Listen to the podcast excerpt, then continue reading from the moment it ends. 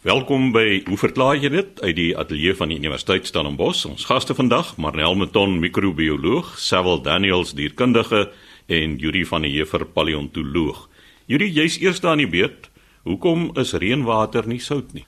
Chris, 'n kort vragie van Aubrey Plaatjies en hy vra as die oorsprong van reënwater die see is, met ander woorde soutwater, waarom is reënwater nie sout nie? Nou, dit klink na 'n eenvoudige vraag, maar daar is nogal interessante aspekte daaraan verbonde. Ons weet almal water verdamp. Dit gaan oor van 'n vloeistof na gas toe. En uh, dis een van die goed wat ons in drie vorms kan kry as 'n gas, as 'n vloeistof en as 'n vaste stof. En by die pole kry mens al hierdie drie toestande bymekaar as ys, as water en as gas. Nou iets wat nou nie met die vraag so seer te doen het nie, maar wat baie interessant is, dat ys kan in die poolstreke selfs in die middel van die winter kan dit direk oorgaan van 'n vaste stof na 'n gas toe en die mense wat weet noem dit sublimasie sodat die ys dan geleidelik al minder en minder word en op sekere plekke heeltemal verdwyn want Antarktika byvoorbeeld is een van die droogste kontinente in die wêreld. En dit het 'n voordeel vir mense wat meteoriete soek, want die aarde word getref deur tonne meteoriete elke jaar en dit val eweredig oor die aardoppervlak, klein stukkies en groter stukke en dikwels moeilik om te sien as dit in die grond ingetrek is. Maar byvoorbeeld in Antarktika kan makliker gekry word dan meteoriete is gewoonlik swart of donkerbruin so teen die wit agtergrond word dit maklik gesien maar as gevolg van sublimasie word hierdie meteoriete geleidelik oopgemaak sodat die mense wat meteoriete jag en gaan soek en versamel, die gaan baie graag Antarktika toe om dit te kry. Nou wanneer water verdamp, word die binding tussen watermolekules gebreek. Die watermolekuule self wat uit waterstof en suurstof bestaan, H2O, die bindings tussen hulle word nie gebreek nie, maar die binding tussen die watermolekules, die waterstofbindings word gebreek en 'n mens kry dus suiwer water wat in die atmosfeer vrygestel word. So ons het hier nou 'n oorgang van 'n vloeistof na 'n gas toe en dit gaan gewoonlik gepaard met of die vrystelling of absorpsie van kinetiese energie, so daar is dan in 'n sekere mate ook afkoeling by betrokke. Dit is immers die beginsel hoe ons yskaste werk deur te wissel tussen gas en vloeistof om die afkoeling te bewerkstellig.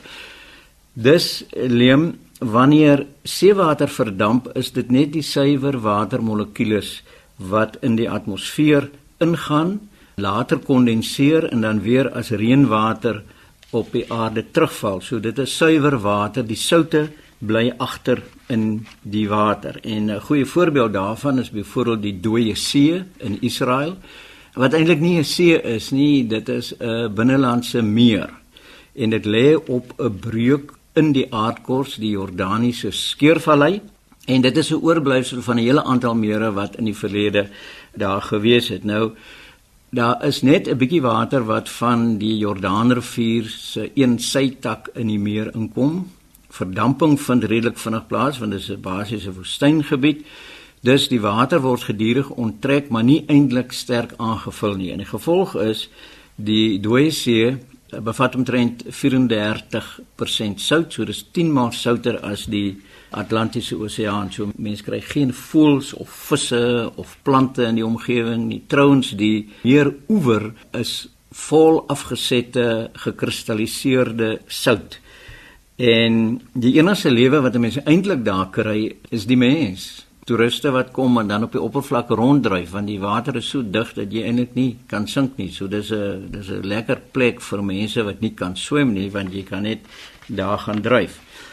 Onlangs egter het duikers tot op 'n diepte in die meer gegaan wat hulle nog nie van tevore bereik het nie en toe ontdek hulle klein varswaterfonteintjies onder in die dooie see en hierdie bietjie water wat inkom verdun dan die sout in die omgewing en hulle kry toe algkolonies wat daar bestaan diep onder in die see. Dis die verdamping wat plaasvind is varswater. Ons gebruik dit byvoorbeeld in 'n teenoorgestelde manier by soutpanne waar uh, soutwater toegelaat word om verdamping te ondergaan en dan behou ons die sout om sout te vervaardig vir die mark.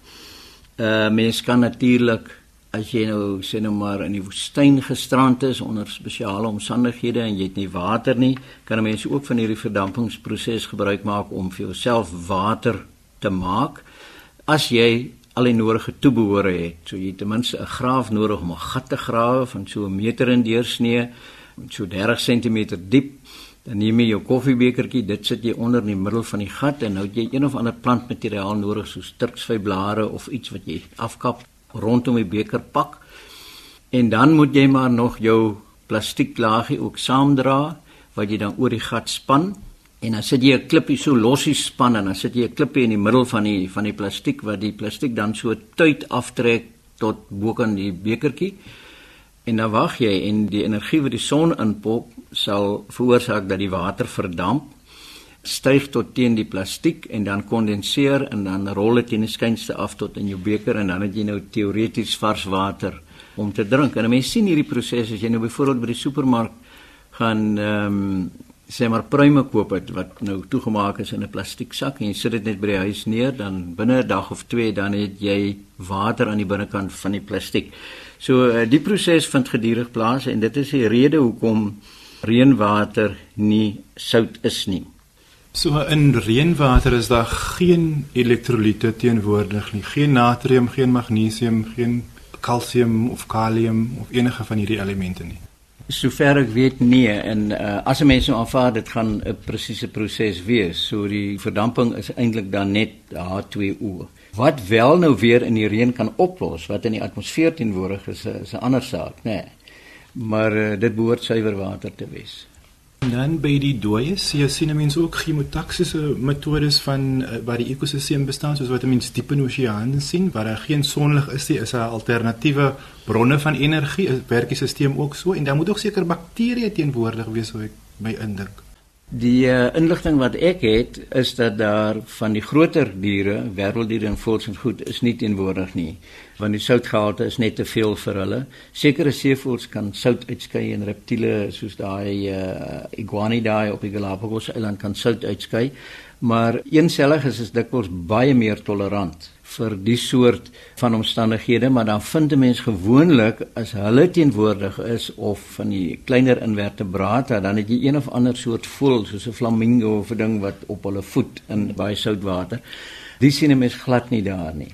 As daar dan varser water dieper in is waar daar al gevoorkom, dan kan 'n mens seker dink dat daar 'n soort van 'n gelaagdheid in die water is dat jy op 'n sekere vlak niks sal kry nie en op 'n ander vlak kan jy wel in die omgewing van die waterbron al gekry.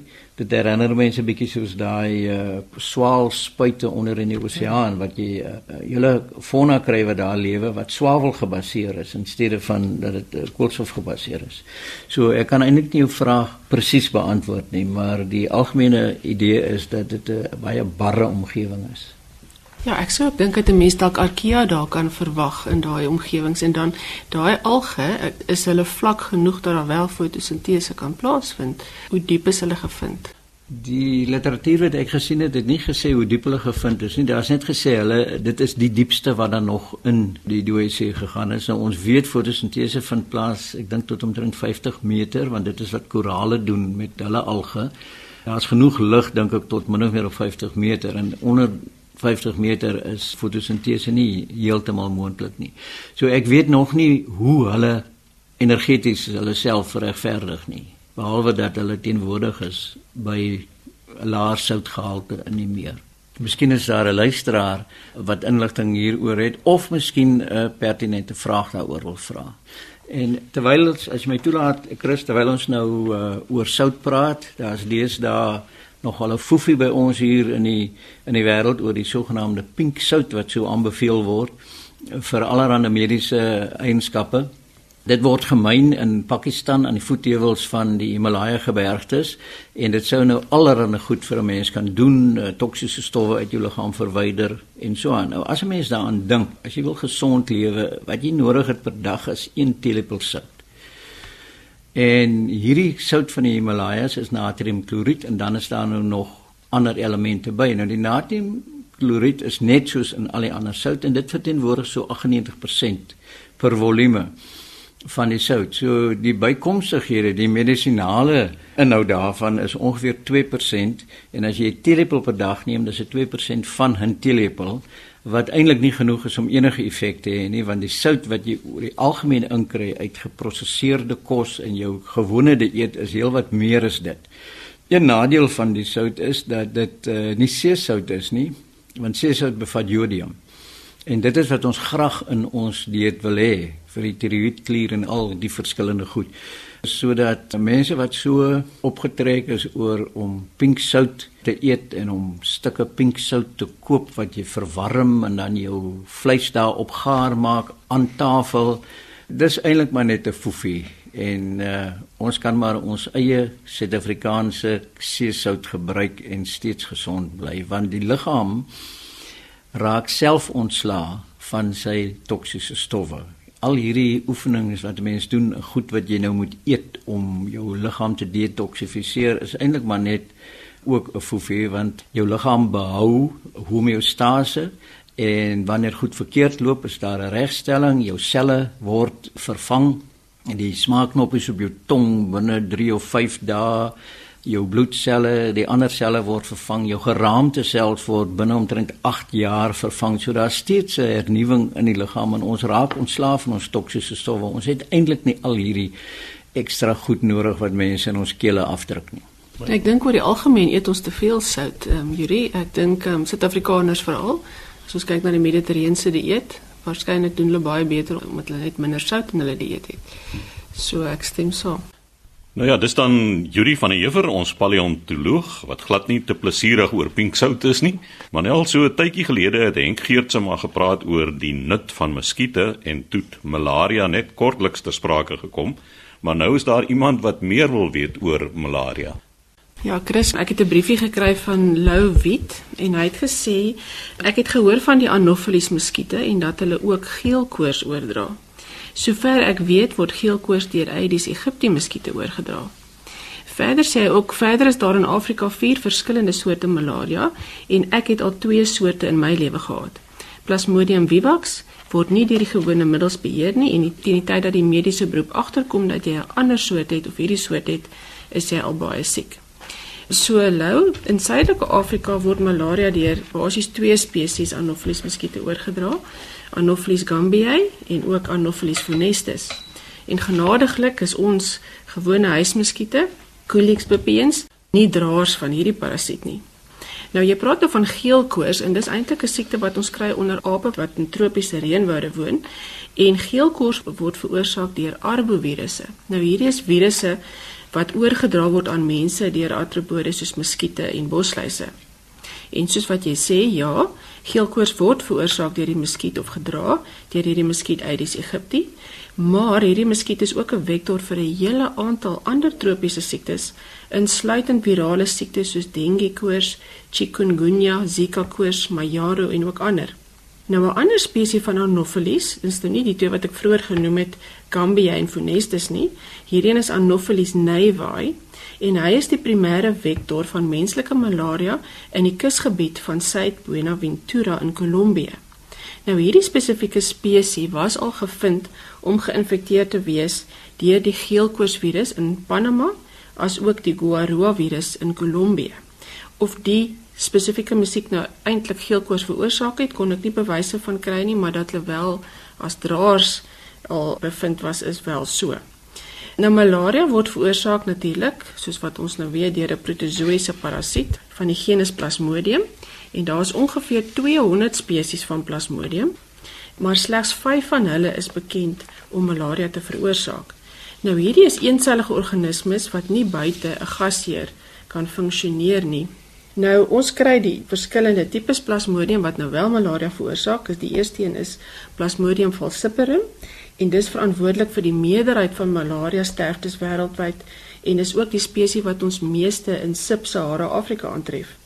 Dan is daar nog vier ander Plasmodium spesies wat malaria veroorsaak alhoewel hulle nie tipies so lewensbedreigend soos Plasmodium falciparum is nie. Lou noem ook dan nou Plasmodium vivax. Dit is die tweede mees algemene oorsaak van malaria in mense en ons vind dit algemeen in Suidoos-Asië asook Latyns-Amerika. En soos wat ons nou weet, kom malaria basies in die tropiese en subtropiese dele van die wêreld voor.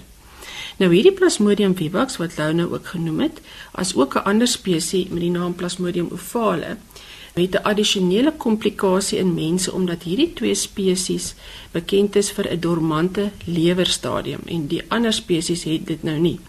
En hulle het in hulle onthou nou hierdie Plasmodium parasiete uiteindelik 'n hele lewensiklus en een van die stadia in die lewensiklus van hierdie twee spesies noem ons hypnosoïte en dit bestaan dan in die lewerselle van 'n slagoffer.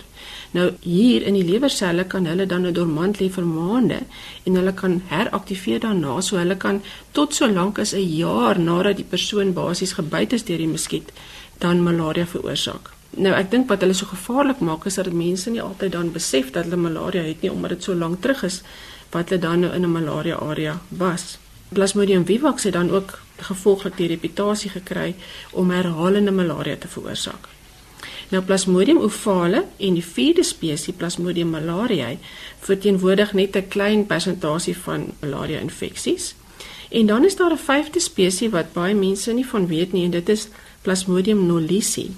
Nou hierdie is bekend eintlik om infeksies van primate te veroorsaak, maar dit was ook al aangeteken as die oorsaak van malaria in mense en daar was baie verwarring oor hoe hierdie spesifieke spesies oorgedra word, maar dit lyk op die oomblik asof dit oorgedra word deur kontak met die bloed van geïnfekteerde diere en nie deur 'n muskiet nie, wat dit nogal interessant maak. Nou wanneer 'n besmette Anopheles muskiet 'n persoon byt, word die persoon dan geïnfekteer met 'n spesifieke stadium van die parasiet en dit noem ons sporozoïte en die word ingespuit en baie vinnig deur die slagoffer se lewerselle opgeneem. Dit neem so 15 tot 30 minute.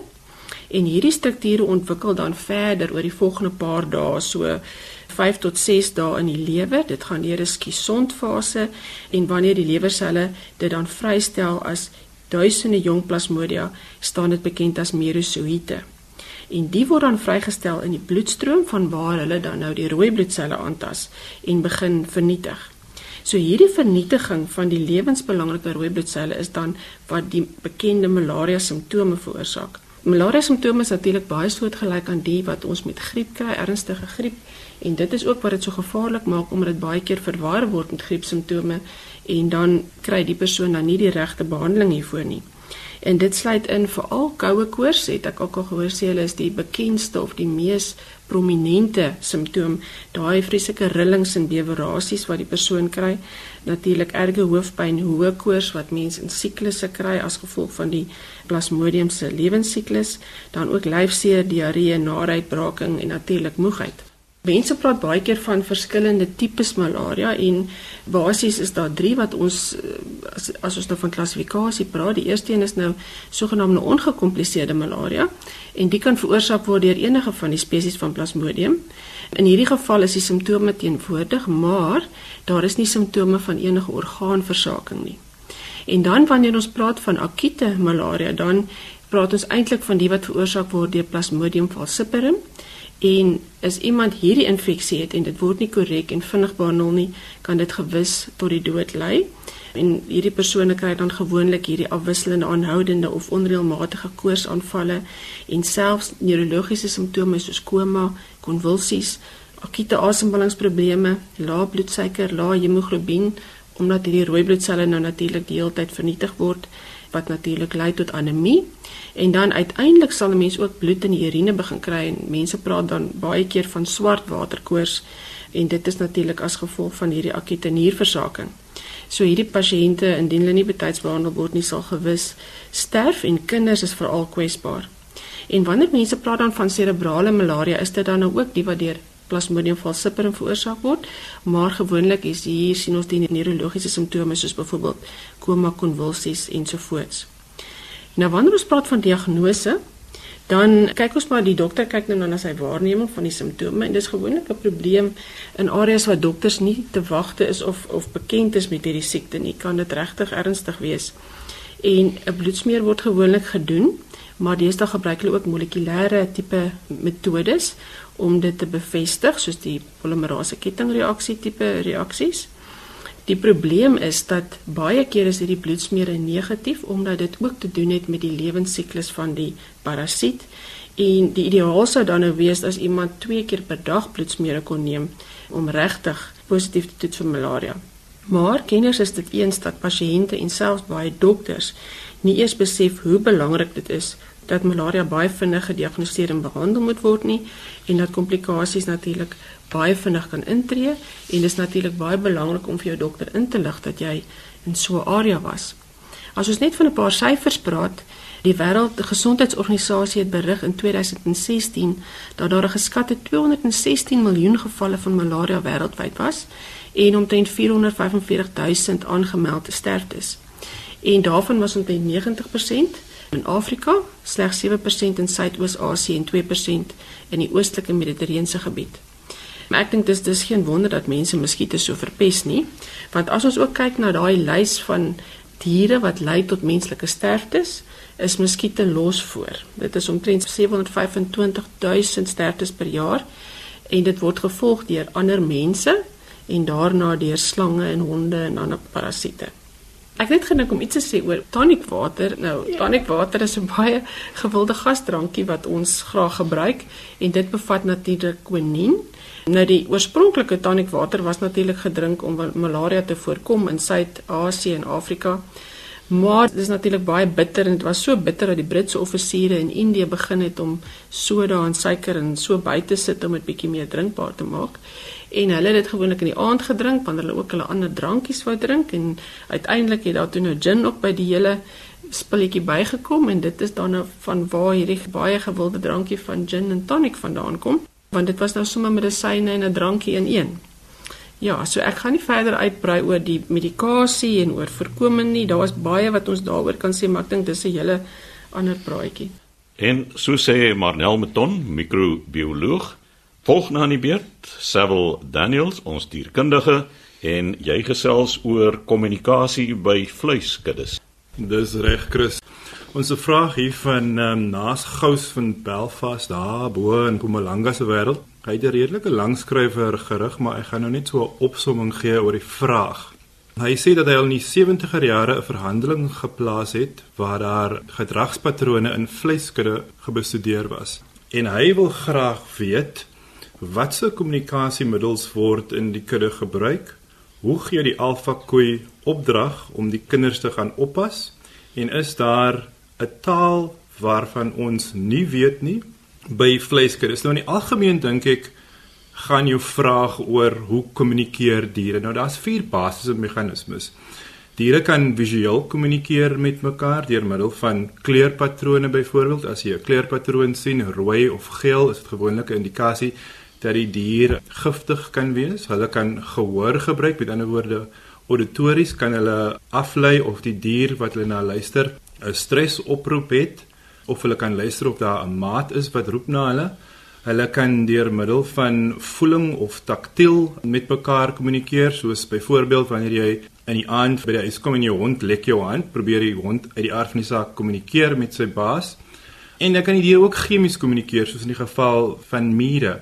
Nou ek het 'n studie gekry deur Delatrobe et al wat in 2015 gepubliseer is in die vaktydskrif Toegepaste diergedragwetenskap waar hulle spesifiek kyk na die kommunikasie tussen koeie en kalwers en hulle wys wel dat daar twee maternale roepgeluide bestaan laafrekwensie geluide en dit gebeur gewoonlik wanneer die koei naby die kalf is en dan ook hoë frekwensie geluide wanneer die koei nie die visuele kontak met die kalf het nie. Hierdie outeer bewys ook dat daar in hierdie geluide wat die koeie dan nou maak, kan hulle baie belangrike inligting oordra aan die kalwers soos byvoorbeeld inligting oor ouderdom, maar nie noodwendig die inligting oor die geslag van die dier nie. Maar miskien wat meer interessant is is dat die roepgeluide wat die kalwers maak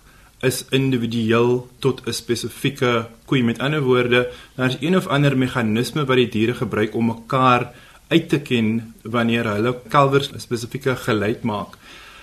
Maar nou is die studie ook gedoen waar die diere op 'n plaas voorkom. Ek dink as 'n wetenskaplike sou jy die diere moes neem na 'n area waar hulle redelik geïsoleer is waar daar nie werklike kontak met mense sou wees nie of met plaaswerkers of met ander steurnisse in die omgewing nie en jy moet hulle dan daar los vir 'n periode om werklik te kan sien wat is hulle natuurlike gedrag. In hierdie studie is dit nou nie so gedoen nie. Die studie is gedoen op 'n plaas waar dan nou werklik aktief is. Met ander woorde, jy raak nie ontslaaf van die sekondêre steurnisse wat daar in die omgewing sou kon wees nie. So daar is 'n paar beperkings met die studie, maar die antwoord is wel ja. Daar is individuele roepgeleide waarmee die koeie die kalwers kan identifiseer, maar in die algemeen is daar nie baie inligting oor dit betrokke nie wat tog baie interessant is ook. Dis interessant dat jy die goed noem, sê wel ek sit te dink nou aan wat 'n uh, ander navorser my vertel het eendag oor die vermoë van koeie om te leer. En hy het vertel van koeie wat afgekamp is met 'n redelike lae elektriese draad. Sodat wanneer hulle tot by die draad loop, dan kry hulle ligte skok en dan keer hulle terug en een koei uit daai trop uit het agtergekom dat wanneer die draad elektries gelaai is, dan sit daar in die een hoek van die kamp die apparaat wat die elektrisiteit verskaf en die maak so ligte zoom geluid. En hulle het haar dop gehou. Dan loop sy soontoe en dan luister sy As sy nie die geluid hoor nie, dan loop sy oor die draad en as sy die geluid hoor, dan bly sy binne in die kamp. So ek dink jy's reg oor die kwessie van jy moenie die koeie toets in 'n omgewing waar mense en ander geluide is en jy moet dit moet dit eintlik in 'n meer natuurlike omstandigheid te toets. En dit laat 'n mens wonder hoe kry Rob ouers hulle Rob welpies weer in hierdie groot troppe kuddes wat ons aan die Weskus het. Ek dink hulle het by Kaapkruis al gepraat van 400 000 robbe en pikkewyne wat terugkom in die see. Hoe kry hulle hulle kleintjies en ek dink daar word geroep hulle maak gebruik van geluide. Ja, die beginsel is dieselfde. Hulle het individuele geluide wat die kalwe dan nou kan maak vir die ander dier wat nou roep na hom. Maar ek dink veral by soogdiere is die diere tog omdat hulle groot breine het, behoort hulle baie makliker te kan leer. Maar natuurlik behoort hulle ore dan nou ook of die gehoor behoort goed te ontwikkel te kan wees. Hulle byvoorbeeld by olifante bewys dat wanneer die olifante die geluide van buie hoor, beweeg hulle weg.